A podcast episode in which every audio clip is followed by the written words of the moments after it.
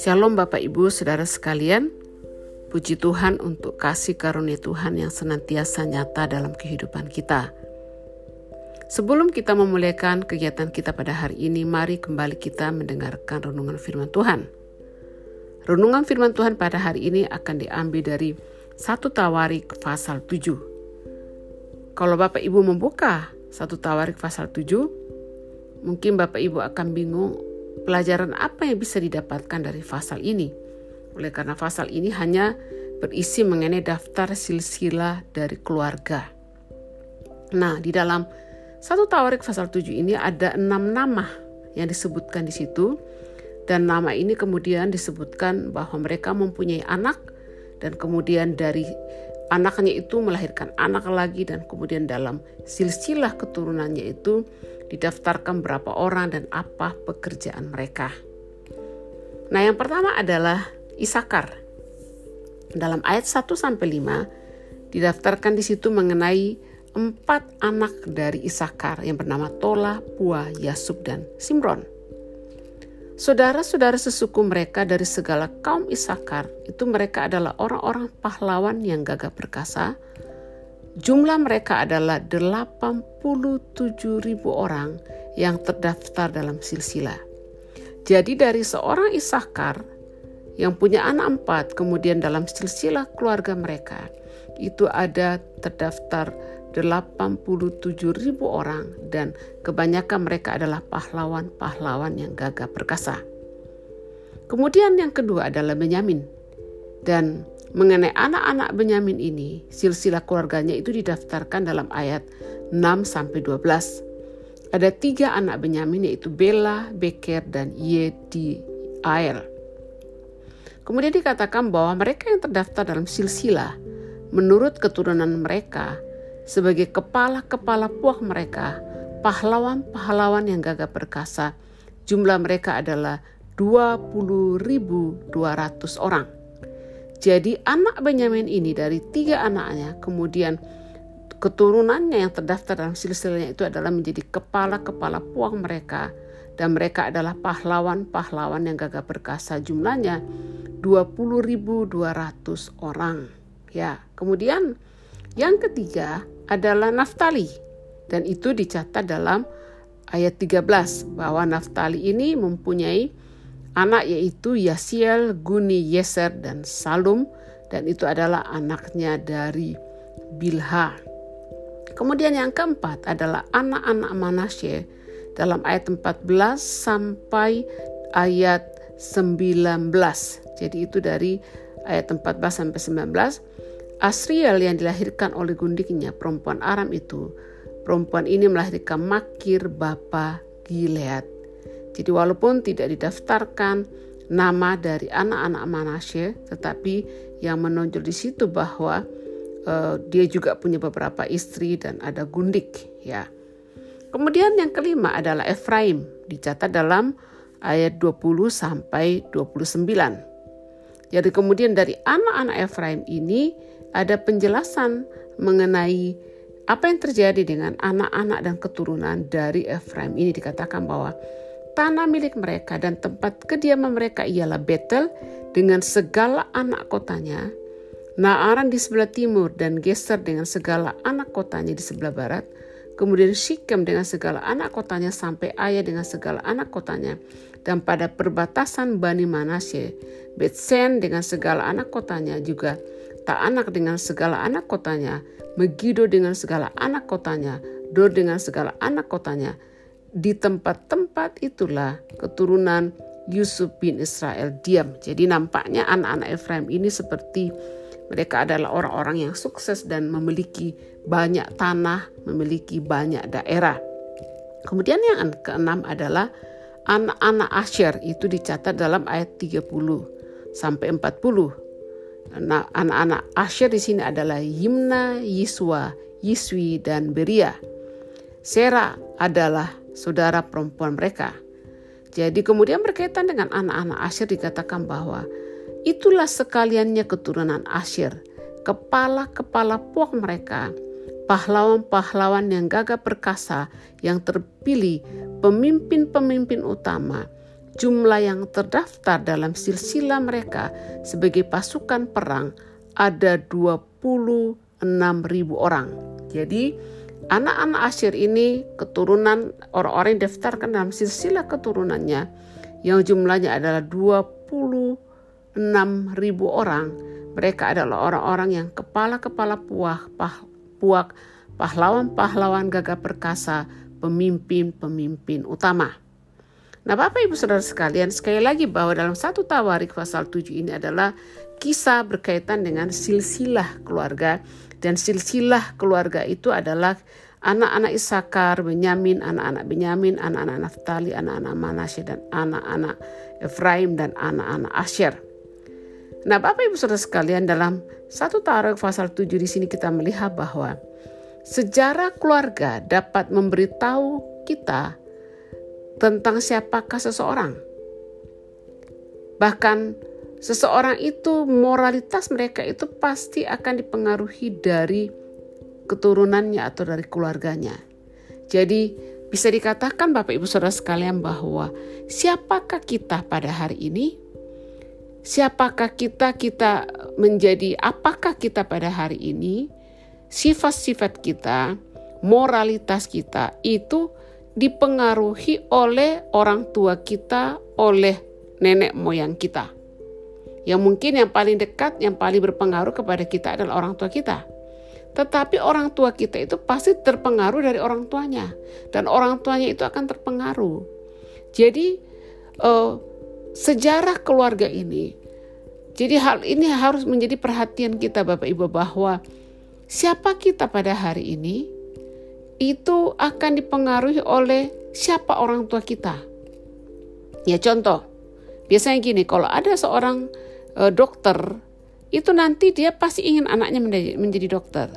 Atau ada seorang kepala keluarga, seorang bapak yang dia adalah seorang polisi, pasti nanti dia ingin juga bahwa anaknya menjadi polisi. Jadi siapa kita pada hari ini, siapa seseorang pada hari ini itu akan dipengaruhi oleh sejarah hidupnya. Dia menjadi apa pada hari ini? Pekerjaannya, profesinya, nilai-nilai hidupnya, moralitasnya itu dipengaruhi oleh orang tuanya dan orang tuanya dipengaruhi oleh orang tuanya. Jadi itu seperti turun temurun ya. Kemudian juga siapa kita pada hari ini bergantung kepada cara orang tua kita mendidik kita. Cara hidup orang tua kita akan membawa dampak yang besar dalam kehidupan kita. Di dalam satu tawarik pasal 7, di, 7 ini kemudian ada hal yang menarik di situ. Ada nama Yisakar berarti membalas. Kemudian dalam pasal ini kita melihat keturunannya mencapai 36 ribu karena mereka memiliki banyak istri dan anak itu dalam ayat 4. Kemudian dikatakan bahwa Elohim dengan jelas membalasnya. Jadi mereka jumlahnya sangat banyak menjadi 36 ribu oleh karena mereka mempunyai istri yang banyak. Kemudian nama Asyir itu menyiratkan kuat. Dan kita akan melihat kemudian dalam pasal ini bahwa mereka adalah orang-orang yang terpilih Pria-pria pemberani yang perkasa, pemimpin-pemimpin utama itu dicatat dalam ayat 40. Jadi sekali lagi uh, dalam uh, dalam uh, satu tawarik pasal 7 ini bicara mengenai satu nama, kemudian dia mempunyai anak dan anaknya mempunyai anak dan kemudian akhirnya ter, ter, terdaftar dalam silsilah keluarganya jumlah yang puluhan ribu. Dan kemudian kita melihat kecenderungan bahwa kelompok ini kemudian akan cenderungnya menjadi apa? Profesi mereka apa? Apakah mereka orang sukses? Apakah mereka orang gagal? Itu dipengaruhi oleh orang tuanya dari garis keturunan itu. Jadi Bapak Ibu Saudara sekalian dalam pasal 1 pasal 7 ini kita melihat bahwa kemampuan, keberhasilan Bahkan kecenderungan-kecenderungan itu diturunkan turun-temurun dari orang tuanya. Jadi orang tuanya akan menurunkan sifat-sifat daya tarik. Ya seperti yang saya katakan tadi, jika dia adalah seorang dokter, maka dia juga mungkin ingin anaknya menjadi dokter. Dia ingin menjadi anaknya menjadi dokter. Dan bukan hanya bicara mengenai ketertarikan minat kepada satu bidang ilmu atau kepada satu profesi, tetapi juga berbicara mengenai karakter, nilai-nilai hidup itu akan diturunkan. Jadi Bapak Ibu Saudara sekalian, hal mungkin dengan singkat berdasarkan satu tawarik pasal 7 ini, hal yang paling mungkin saya mau tekankan di sini bahwa pada akhirnya peranan orang tua itu sangat berpengaruh bagi keturunannya. Itu sebabnya jika kita adalah orang tua, jika bapak ibu adalah orang tua, Apakah engkau mempunyai anak dua, tiga, empat, atau hanya satu? Cara bapak ibu pada hari ini itu akan menurunkan. Jadi bapak ibu waktu melahirkan anak, ya, bukan hanya mewariskan uh, faktor genetik kepada anakmu. Ya biasanya kan bapak ibu kalau ada seorang anak kita akan langsung tahu ini anak siapa. Karena pasti anak itu akan mewarisi ciri-ciri dari orang tuanya. Mungkin wajahnya mirip, eh, hidungnya mirip, matanya mirip, atau suaranya, cara berbicaranya, cara jalannya, cara tertawanya. Itu kita turunkan. Bahkan Bapak Ibu Saudara sekalian sebenarnya penyakit pun itu juga bisa diturunkan dari orang tua, faktor genetik.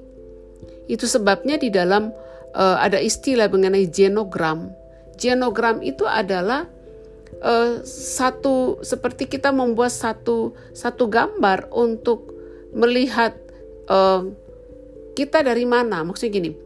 Contoh kalau saya, saya membuat genogram, maka dalam genogram itu saya akan menulis seperti uh, satu diagram. Di situ siapa bapak saya, siapa mama saya, kemudian mama saya ini berapa bersaudara, bapak saya berapa bersaudara, siapa orang tuanya, berapa orang tuanya berapa bersaudara. Jadi seperti menelusuri mundur ke belakang, mungkin kepada kakek-kakek atau buyut kita untuk melihat. Nah, biasanya uh, genogram ini dipakai di dalam uh, dunia sekuler, di dalam contoh dalam konseling.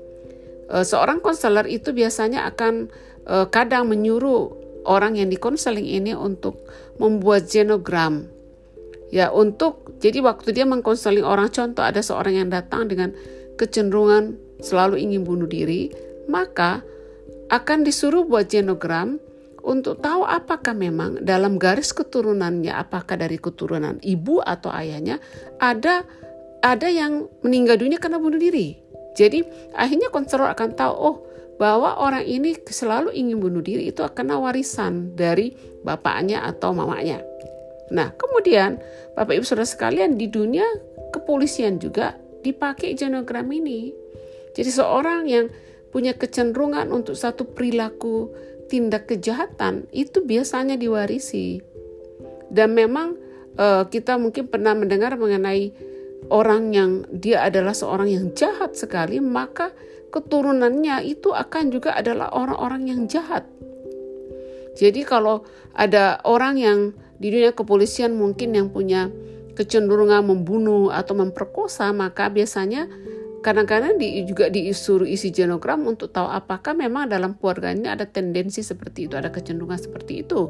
Nah, kemudian genogram ini juga biasanya e, diisi untuk orang yang mungkin memeriksakan kesehatan. Contoh se seorang menderita penyakit, kemudian juga nanti akan disuruh buat genogram untuk menelusuri apakah dalam keluarganya ini mewarisi penyakit ini.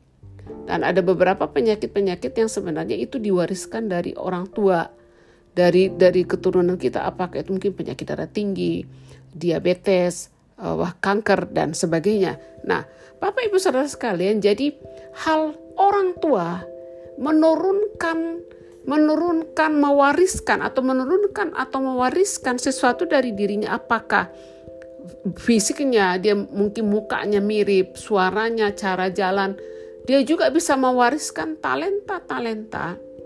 Kemudian juga bisa mewariskan minat, hobi dan sebagainya. Apakah itu secara genetik yang atau sesuatu yang orang anak akan amati setiap hari. Jadi orang itu orang tua akan meneruskan mewariskan sesuatu dari dirinya baik secara genetik maupun dalam tindakan-tindakannya. Jadi Bapak Ibu Saudara sekalian dalam satu Tawarik pasal 7 ini kelihatan di situ salah satu yang paling kuat itu adalah Asyir bahwa keturunannya Asyir ini kuat. Mereka pemimpin-pemimpin orang-orang yang sukses adalah pahlawan-pahlawan yang gagah perkasa dalam kelompok ini silsilanya kebanyakan seperti itu. Nah, Bapak Ibu Saudara sekalian, apa yang kita bisa pelajari dari ini? Yang pertama-tama adalah sebagai orang tua, hati-hati di dalam cara Bapak Ibu berbicara, cara Bapak Ibu bersikap oleh karena cara berbicara, cara bersikap, cara menilai sesuatu, keputusan-keputusan yang diambil itu akan dilihat oleh anak dan anak itu akan meniru. Anak akan akan mau akan meniru hal-hal yang seperti itu. Nah, kita bersyukurnya Bapak Ibu Saudara sekalian, walaupun mungkin kita berasal dari keluarga di mana orang tua kita atau kakek kita memiliki kecenderungan-kecenderungan yang tidak baik, tapi kita percaya waktu kita percaya kepada Tuhan Yesus, seperti dalam 1 Korintus dikatakan bahwa siapa yang ada dalam Kristus, dia adalah ciptaan yang baru. Yang lama sudah berlalu sesungguhnya, yang baru sudah datang. Jadi Bapak Ibu Saudara sekalian, hal yang pertama sekali lagi bahwa sebagai orang tua, bijaklah, berhati-hatilah di dalam apa yang Bapak Ibu katakan, apa yang Bapak Ibu lakukan, Bagaimana cara Bapak Ibu membuat penilaian terhadap sesuatu, keputusan-keputusan yang engkau ambil itu akan mempengaruhi, engkau akan wariskan itu kepada anak-anak cucumu. Itu yang pertama. Tetapi kemudian hal yang kedua juga bahwa kita bisa memandang kepada Kristus. Mungkin kita mewariskan dari orang tua kita, dari kakek kita, kecenderungan-kecenderungan, kebiasaan-kebiasaan minat-minat hal-hal yang kurang baik. Tapi kita bisa datang kepada Tuhan dan kita bisa menaruh diri kita di bawah naungan kuasa dari Yesus dan mengatakan bahwa sekalipun ayah ibuku melakukan hal yang seperti ini, kakek nenekku melakukan hal yang seperti ini dan tidak benar dan aku seperti ada tendensi, ada kecenderungan untuk melakukan apa yang dilakukan oleh ayah dan ibuku, kakek nenek walaupun aku tidak suka, ada harapan Bapak Ibu. Datang kepada Yesus. Katakan Tuhan aku menaruh hidupku di bawah naungan kuasa darah Kristus. Apa pun yang buruk di masa lampau dilakukan oleh ayah ibuku, kakek nenekku, buyutku dan sebagainya. Aku memutuskan hal itu dengan diriku di dalam nama Yesus dan menaruh diriku di bawah naungan kuasa dari Yesus dan aku adalah ciptaan yang baru di dalam Yesus Kristus yang lama sudah berlalu sesungguhnya yang baru sudah datang dan aku pada hari ini aku menjadi orang yang merdeka di bawah naungan darah Kristus dan aku akan memilih untuk mengikuti Kristus untuk menyerupai Kristus di dalam cara hidupku. Bapak, ibu, saudara sekalian, kiranya renungan firman Tuhan pada hari ini menjadi berkat bagi kita. Sekali lagi, cintai firman-Nya, karena dari firman-Nya kita belajar sesuatu. Firman-Nya akan meluruskan jalan kita, firman-Nya akan memperbaharui kehidupan kita dan memberikan kita harapan. Tuhan memberkati. Shalom.